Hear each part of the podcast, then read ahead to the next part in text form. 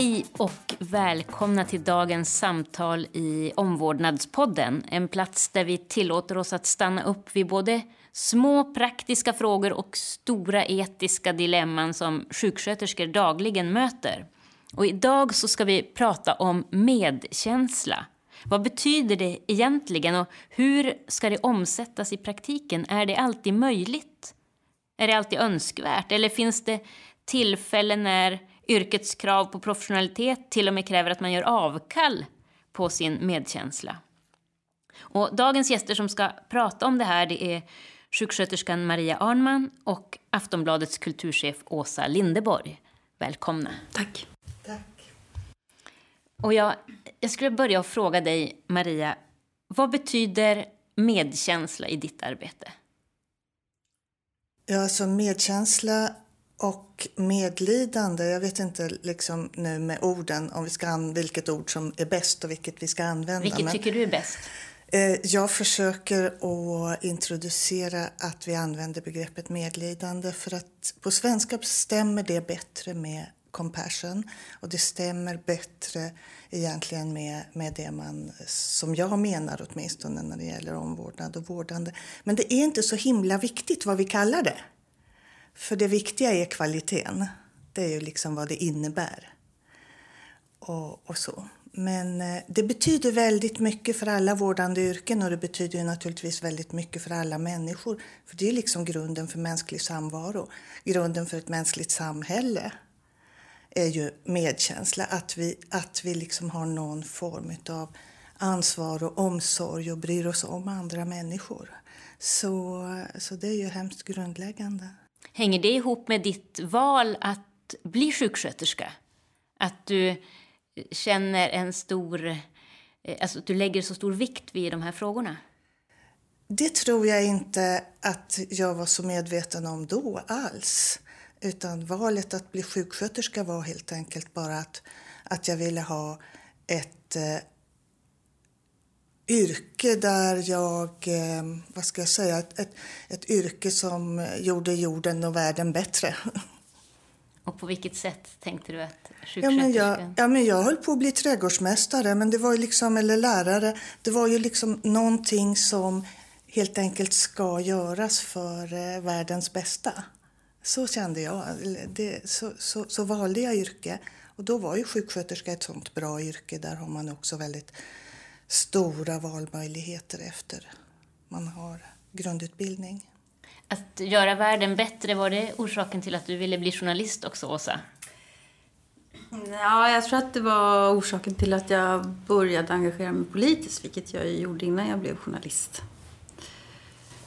Ehm, jag är född in i en familj där man försöker förändra världen och där man är väldigt intresserad av människor. En familj där alla är oerhört empatiska också. Ehm, vad innebär, så, alltså när du säger det, mm. vad, vad, innebär det? En familj där alla är oerhört empatiska? Ja, dels att vi bryr oss om varandra, men att vi bryr oss om människor i samhället som vi inte känner. Jag eh, kommer från en familj där man i generationer har kämpat för att Eh, för kvinnors rättigheter, för att eh, folk ska få det bättre, för att eh, vi ska ha ett sånt jämlikt samhälle som möjligt, för att de som inte har ska få mer. Progressiv omfördelningspolitik, mer makt åt de maktlösa. Och det är ju strider som man i min familj har tagit på både pappas och mammas sida generationer där man själv har offrat ganska mycket Eh, för eh, det som man tycker skulle vara ett bättre samhälle för alla människor. De har suttit i arbetsläger, de har fått sparken för att de var kommunister, fått sparken och alltihopa det där. Blivit spottade på och så. Grunden är naturligtvis en ideologisk övertygelse men eh, den vilar ju på en humanistisk grund helt enkelt. Att det här samhället, den här världen ska vara till för alla människor. Så det var därför jag engagerade mig politiskt. Men sen som journalist, då måste man nog förhålla sig lite annorlunda till det här, tror jag. Ja, jag då, tänker det. Ja. För det blir ju ett lite annat förhållningssätt till begreppet ja, medkänsla. Och just ja. det där att känslan för den andre kräver ju egentligen någonting helt annat av dig i journalistyrket. Eller? Ja. Eh, som, kan medkänslan till och med bli en belastning där? Ja, det, skulle, det kan man väl kanske säga att den kan bli. Alltså, som journalist så måste man ju vara ute efter att ta reda på hur samhället ser ut och världen ser ut och varför människor gör som de gör och vilka de är. Eh, och eh, det, journalistik handlar om att man skriver om, om vad människor gör. Vad de säger och hur de har betett sig och sådär. Och eh, det är ju ett levande, levande materia som man faktiskt håller på med. Det är människor som drabbas och deras familjer. Men om man som journalist skulle tänka så att vi kan inte skriva om den här personen för att det, det blir så synd om alla. Då skulle vi inte kunna ha någon maktgranskning eller någon fungerande journalistik överhuvudtaget. Utan journalistik handlar ju om att man ska avkräva folk ansvar för vad de har gjort. Och det kan vara en ganska hård verksamhet. Ja. Eh, med ibland förfärliga konsekvenser också. Ja, verkligen. Vi har, ja. Det har ju varit en rad sådana fall, inte minst de senaste åren, där, mm. man, eh, där man ju verkligen får tänka till som, eh, i förhållande till... Och jag, menar, jag tänker på...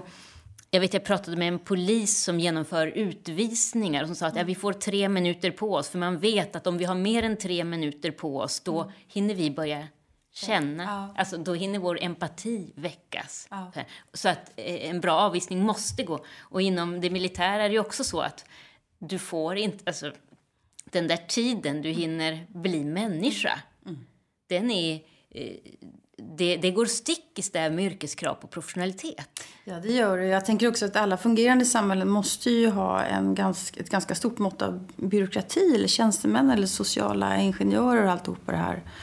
Tänk att jobba på Migrationsverket och man vet att man skickar kanske folk ut i döden eller man skickar barn till eh, områden de inte borde vara i.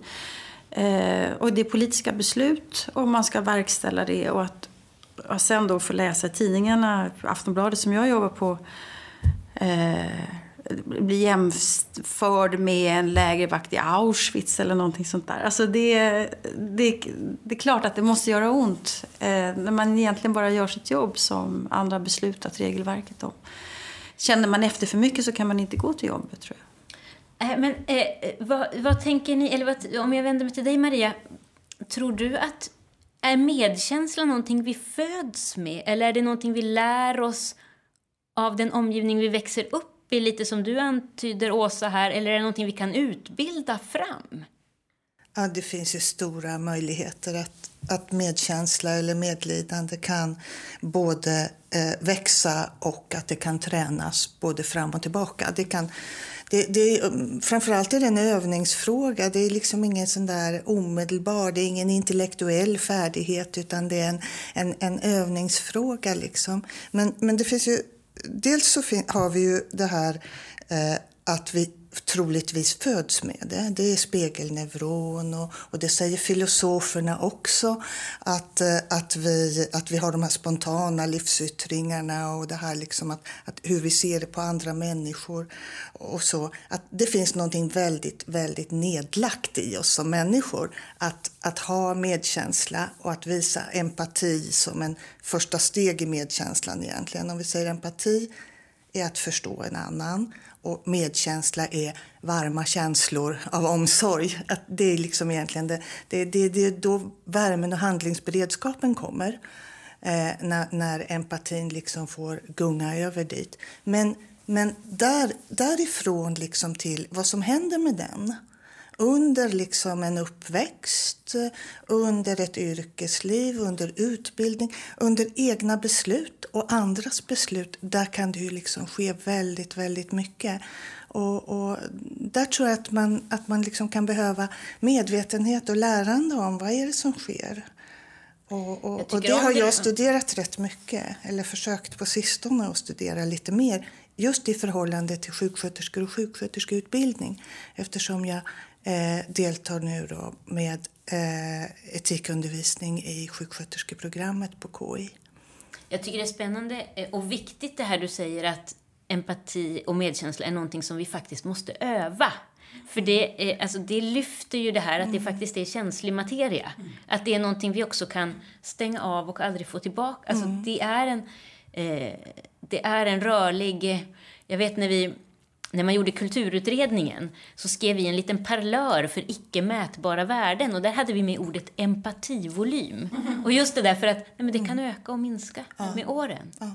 Men ja, vad var du på väg att säga här Ja, jag blir så nyfiken på...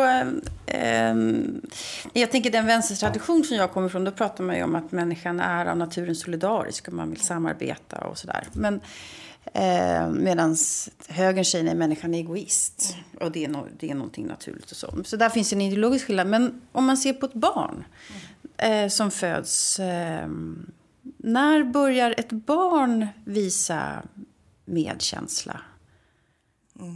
Barnet är ju liksom det sårbaraste som finns Ja. och, och, och lever ju i relation, i fullständig relation. Liksom.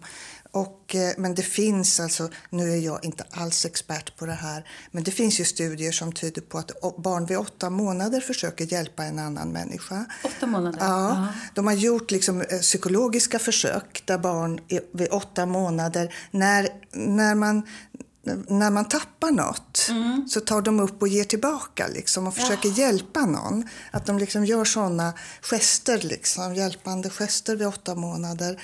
Men, eh, men annars, annars har jag inte studerat den där forskningen direkt. Men, det, det, det finns jättemycket och hela, hela det här spegelneuronstanken. Vad är det för någonting? Spegelneuron är ju också en sån här biologisk eh, eh, markör som jag inte heller är expert på men, men där man kom på att, att eh, såna här neuropsykologer heter det som skannar hjärnor. Eh, de kom på att, att, att man kan se verkliga hjärnrörelser hos den som iakttar ett annat skeende. Och de såg bland annat, en, de, hade, de hade satt elektroder på en schimpans eh, och sen så gjorde försöksledaren en, en paus och åt en glass. Och då började det röra sig hos schimpansen när den såg den andra i ett glass. Och det är det som är spegelneuron. När du ser en annan människa som lider så händer det också rent fysiologiskt någonting. Man kan liksom mäta det i hjärnan. Men, men, men man kan ju också se det egentligen på beteenden. Eh, Jag menar, ser du en skadad människa så händer det ju något med ditt ansikte, med hela din kropp. Så att det, det, det, det finns ju kroppsligt också i oss.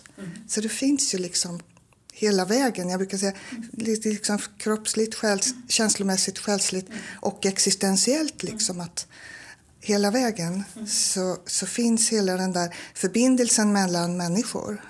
Men jag började tänka på det där. när, när, du, eh, när du säger oss att eh, vänstern eh, har, har egentligen ett annat förhållande till begreppet medkänsla än vad högern har som ser, jag menar, det är en människosyn som ser människan mer som egoistisk och att därför måste vi organisera samhället så. Då började jag fundera på, finns det någon studie på om det är mera människor till vänster eller höger som blir, börjar arbeta som sjuksköterskor? Har aldrig sett det. Nej, men, nej, men jag blev helt Det nyfiken väldigt om det hänger ihop fråga. med liksom en, en, en Det kanske har med det sociala arvet att göra. Att Ja. Man kanske blir läkare om man kommer från en lite mer privilegierad familj än kanske. Nej, om, var- om man är man kanske och så. Men jag tror egentligen inte, jag, om jag får korrigera mig själv så menar jag nog inte att, att eh, de som röstar högerut skulle ha mindre medkänsla. För jag tror precis som Eh, som Maria säger här, att det är någonting som vi har. Eh, men däremot så hur man ska organisera samhället, det är ju liksom någonting annat. Alltså resursfördelning, vem ska äga vad och sådär. Då tror jag man har en annan... Eh, eller då har man helt upp, uppenbart en annan människosyn när det gäller om människan är född solidarisk och vill samarbeta eller egoistisk och bara satsa på sig själv. Men empatin, det tror jag den är så djup. Det, sitter, det, är, det är någonting annat som Ja, gör det- oss till, till, till människor överhuvudtaget. Jag menar, även de som är till höger är ju människor. Ja, ja nej, men, och det var väl li- lite det jag vill... Alltså, så jag tänker att för mig så är också begreppet medkänsla större än eh, Ja. idén om partitillhörighet Absolut. eller liksom ideologier Verkligen. eller det. Eh, men, men det blev... Det är grundläggande. P- Precis. Och där var jag lite, eh, lite nyfiken på när du säger att jag vet att du har skrivit en lärobok för sjuksköterskor.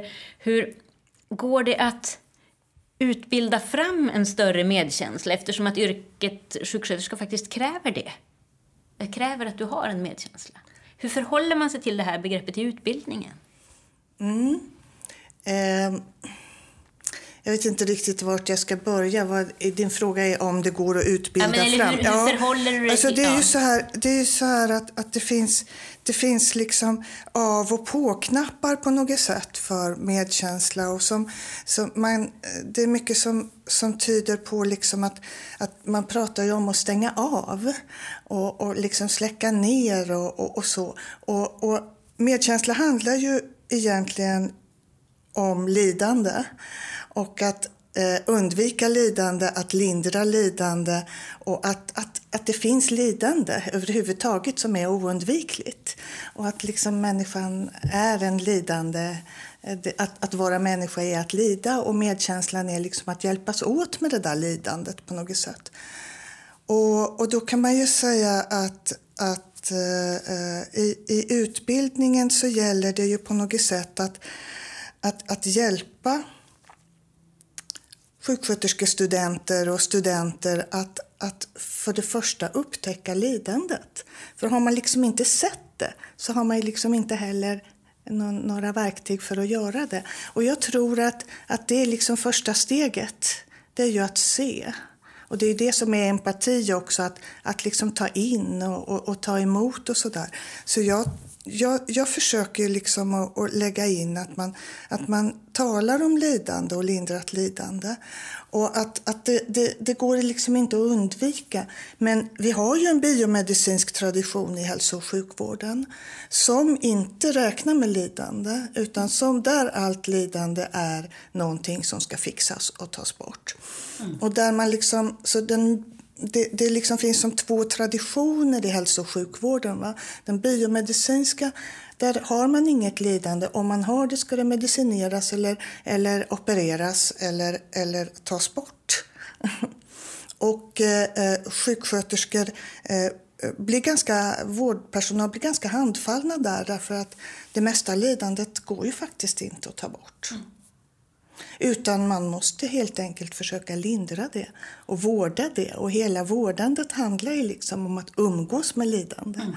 Och, och, då blir det ju liksom, då blir det ju väldigt svårt för sjuksköterskor och vårdpersonal om man har en icke accepterande attityd i hela vårdkulturen och, och, och de själva innerst inne att lidande inte ska finnas och inte finns. Liksom. Så, Nej, men det är väl i hela samhället idag, ja. tänker jag. En, ja, en, en, känner du alltså, igen det? Jag menar, en ja. tendens att, att allt som är lidande ska medicineras bort. Det bort. Även det som är grundläggande mänskliga Alltså sorger ja. och... Mm, eh, mm. Jag eh, vill inte prata om mig själv, men jag har haft ett ganska tungt år kan jag säga. Eh, hänt saker både privat och professionellt. Och ställde mig själv inför ett vägval här. Ska jag eh, försöka få bort det på konstgjord väg eller ska jag gå in och möta den här smärtan?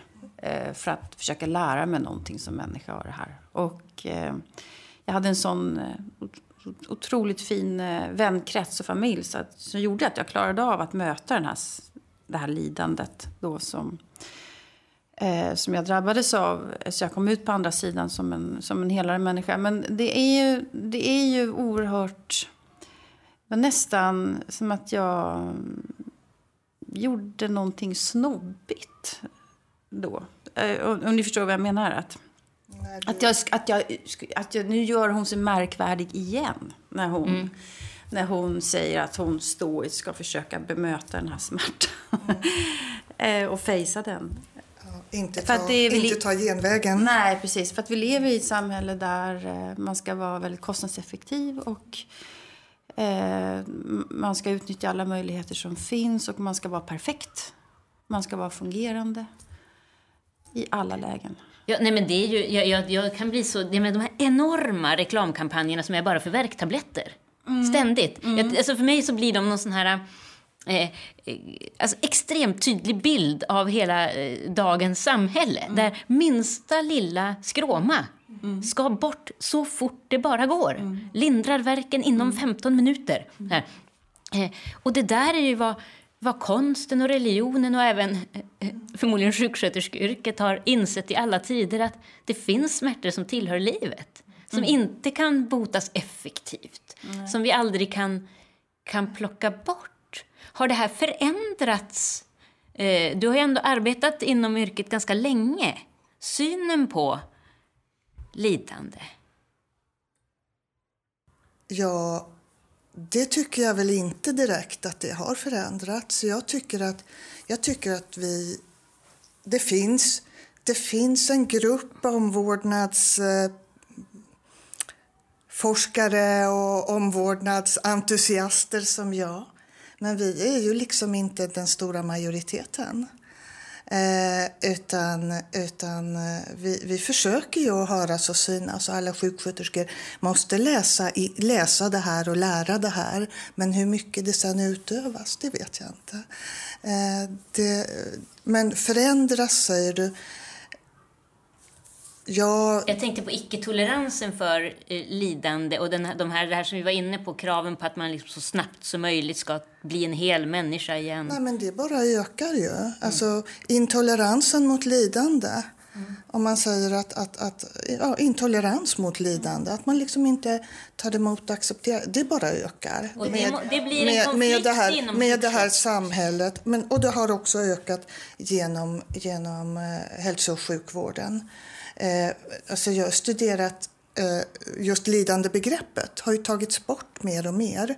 Och, och, och det togs ju bort effektivt på 60-talet någon gång. Då ströks det liksom eh, ur eh, en massa dokument och så. Va? så att, Men varför? Så det är, jo, Redan det är, då? Alltså, det är jättekonstigt, men när man, när man träffar till exempel kliniskt verksamma sjuksköterskor och så och har på eh, specialistutbildningar och så som jag träffar dem ibland och de är kliniskt verksamma och kommer in och får och, och är med på en kurs och man säger nu ska vi prata om lidande. Då säger de usch nej, det är så allvarligt, det vill vi inte. Eh, så därför försöker jag nu med första terminen istället och få med dem på tåget från början. Mm. För att det är, liksom, det är precis som att lidande, det, det, det har man eh, väldigt eh, ambivalenta känslor för inom hälso och sjukvården och inte minst sjuksköterskor. Och jag vet inte riktigt varför. Är det för att man eh, vill hjälpa andra människor till hund så mycket det bara går? Eller är man rädd för att drabbas av eget lidande? Alltså vad ja. är det som... Eh, ja, jag tror att man är rädd för medlidande också. Att man inte kan förhålla sig till det. Att man inte har lärt sig liksom, hur förhåller jag mig till vad, den berördhet som måste komma mm. om jag verkligen ser. Just det. Och då mm låter man bli att se. Och då har vi de här stressreaktionerna och flykt och frys och aggression och sånt. Mm. Och, och, de kommer liksom som hinder, bland annat, säger man psykologiskt. Men mm. om man har lärt sig att förhålla sig, när jag ser, när jag ser en annans lidande, att, att liksom låta det leda till en varm känsla, då får jag liksom verktyg själv. Mm. Och det finns jättemycket som talar om det. Att då ökar liksom hälsan själv mm. hos den som handlar. Alltså, ja, hängde ni med? Det var mer, lite... ja, jo, men jag förstår, för det ja. måste ju bli mer ansträngande att stänga av. Exakt. Alltså det faktum som inte... Alltså, det det. Att det är, alltså, utan det ja. handlar ju där om att hitta... Och det är väl det jag tänker utbildningen då måste handla om. Att lära sig hitta ett förhållningssätt Ja, men lidande. det är så himla svårt för att vi är inte alls där. Va? De, de, de, de lär sig att, att ge sprutor och ta blodtryck. Liksom. Ja, i, så det här blir liksom någonstans sekundärt. Och men, sekundärt flum liksom. Men, men, men eh, vi kämpar för det och jag har verkligen gensvar ifrån studenter och eh, sjuksköterskor. Det är ju inte det, men, men, men det blir liksom... Men du nämnde någon, någon, lite innan här att det fanns studier som visar att medkänslan eller empatin minskar när man har genomgått läkarutbildningen till exempel. Ja, det gör ju det. Men, men det är ju... Hur förklarar man det? och, och, på, och på vilket sätt? Alltså... alltså... det är ju lite kontroversiellt. Men jag skulle gärna vilja berätta om några medledande studier, för ja. det är lite intressant. Mm. Sådär. Den första det är den här med, med eh, en, en forskare, en läkare och psykolog i USA som är väldigt känd som heter Hoyat. Han har skrivit såna här böcker om empati och sådär. Han, han, han, har, han sysslar bara med empatibegreppet, liksom det här att, att se och lyssna på en annan människa. Och, och då eh, har han studerat både läkare och sjuksköterskestudenter det här är rätt länge sedan, det är liksom 29 och sådär, men det är inte så länge sedan. Mm. Och då har han skrivit en artikel som heter The Devil comes in the third year. Mm. Eh, och då, då, eh, då menar han, då har han sett att, att under de teoretiska avsnitten i början så, så har de hög empati när man mäter då i sådana här enkäter. Va? Eh, när man mäter. Men, men när, ju mer patientkontakt de får och ju närmare patientkontakt de får desto mer försvinner då vissa empatiförmågor. Och det är ju liksom att de inte kan hantera, tänker man. Och, det där har jag sett hos både sjuksköterskor och läkare, att eh, empatiförmågan, vissa förmågor att eh, lyssna in och känna av. Och, och, det är klart att det är ju utmanande att komma nära lidande människor. Det är ju väldigt utmanande och där behöver man ju förmågor. Ja, och har man då inte det förhållningssättet så hamnar man väl i ett läge som vi var inne på, att man då stänger av istället. Mm för att det blir för, för tufft. Avstängning, ja. eller, eller till och med stress då, ja. i värsta fall. Ja. Eh, jag tänker när man utbildar sig till journalist, mm. finns, eh, finns begreppet medlidande, medkänsla? Eh, hur jag är ju inte utbildad journalist, jag är egentligen historiker. Men eh, alltså inom journalistiken så pratar vi om att man ska vara konsekvensneutral. Och det betyder ju helt enkelt att man förstår att man kommer att göra en publicering, man kommer att skriva någonting, man kommer att avslöja någonting som kommer att drabba eh, personer. Men vi ska göra det i alla fall därför att det som måste berättas, måste berättas. Det är det journalistik går ut på, att avslöja. Och eh, det, det är klart om man... Journalister som inte har någon som helst eh, medkänsla för andra människor, de blir ju otäcka. Eh, och eh, publicister som inte har någon medkänsla, de skulle kunna trycka vad som helst. Så vi har ju ganska höga etiska regler i Sverige. Sen var det ju någonting som hände nu förra året då med hela den här metoo-rörelsen. Då sattes ju den här, det som vi kallar för pressetik ur spel. Eh, men annars så har vi, har vi faktiskt höga regler, särskilt i Sverige. I Sverige skiljer sig från England till exempel. där. Men jag märker själv på mitt eget skrivande. Så en stor del av min verksamhet går ju ut på att recensera böcker. Och jag blir snällare och snällare för varje år. För att jag tycker synd om den här författaren. Jag är så imponerad av alla som överhuvudtaget får ihop en bok nu för tiden. Så jag nästan känner att jag kanske är oduglig för mitt ämbete faktiskt. För att jag, jag tänkte just fråga dig. Ser, du som en, ser du som ett eh, tillgång eller som ett hinder Nej, att du har det, fått det den jag säga, det, är, det är ett professionellt hinder faktiskt som jag är snällare än jag borde, borde vara. Och det här har jag flera kollegor som säger samma sak. Att man, de unga och hungriga, de, eh, de är snabbare med skalpellen kan jag säga. Mm. Händer det någonting med medkänslan? Alltså om man, eh, om man jobbar, eh, alltså motsvarande utveckling inom, inom omvårdnad? Ja. Ökar eller minskar medkänsla? Eller det kanske inte går att säga generellt så? Nej, det, det har jag inte några belägg för. Men, men eh, självfallet så, så, så kan förmågorna verkligen öka under, en, eh, under ett yrkesliv, det tror jag. Men också men det finns ju också risker liksom i yrkeslivet som sjuksköterska att man kommer in i jargong. Att man liksom bara går på i jargong på något sätt. Och, och, och, och där, Vad menar du mer konkret? Ja, att man, att man liksom... Jargong är ju att, att, att man bara eh, inte stannar upp och, och, och, att man liksom bara pratar på och gör sina saker. Att man liksom är uppgiftsorienterad, att det, liksom, det blir ett görande. Och det där, det, där kan, det där kan sjuksköterskor vittna om när de kommer in just på sådana här fortbildningskurser. Att de säger, och nu börjar jag fatta liksom eh, sammanhangen. Och, och att man liksom... Så, så ett yrkesliv kan ju bli väldigt, ja jag säger rutinmässigt, att man liksom bara går på på något sätt och då händer det ju inte så mycket utveckling. Det, det tror jag också. Och, eh, man, man, brukar säga att ungefär efter fem år så kan man sitt yrke och då, då eh, jag tror jag nog att man kan släppa på vissa, vissa saker. Sådär. Men vad jag funderar över med sjuksköterskeyrket eller vårdyrket, hela vårdsektorn. Mm. Eh, det har ju varit sådana mm, personalneddragningar, resursförsämringar och sådär. Finns det plats för medlidande när man inte har tid för patienterna? Det kanske måste vara så att man bara eh, går in för den här kliniska behandlingen därför att man har inte tid att sitta och prata mer om det. Jag tänker, eh, min dotter som jobbade i, nu är hon faktiskt utexaminerad psykolog idag, men hon har jobbat inom hemtjänsten.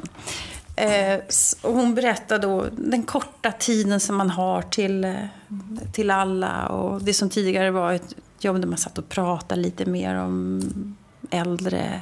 Det finns inte tid för det. Och Mm. Kan, man, kan, man, kan man bli avtrubbad på grund av helt enkelt ekonomiska orsaker? Ja, det är klart att det är risk för det. Det är klart att det finns risker med, med, med att ha brist på tid och resurser. Men jag tycker ändå liksom inte riktigt att det hänger ihop. Men, mm. men det du säger det du säger, det är precis det första som studenter säger också. Okay.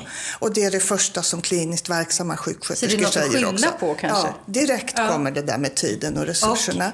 Okay. Och, och, och, äh, och äh, och, sen kommer, att... och så kommer den där föreställningen att om jag ska ha medkänsla eller medlidande, då ska jag ha tid. Mm. Och då ska jag kunna sitta ner och prata. Och det där blir jag lite trött på att mm. höra. Liksom. Vadå sitta ner och prata? Jag menar inte alls det. Du kan sätta ditt dropp och ta ditt blodtryck, men du kan göra det med olika attityd. Men du kan ju liksom passa på då när du gör dina saker så kan du göra det på hundra olika sätt. Du kan mm. passa på att vara liksom en, en lindrande, eh, god medmänniska medan du gör det här. Jag tror inte riktigt på tidsaspekten, men, men, men visst, visst är det ett hinder. Det är ett hinder för god vård, men det är inte ett hinder för medlidande. Mm.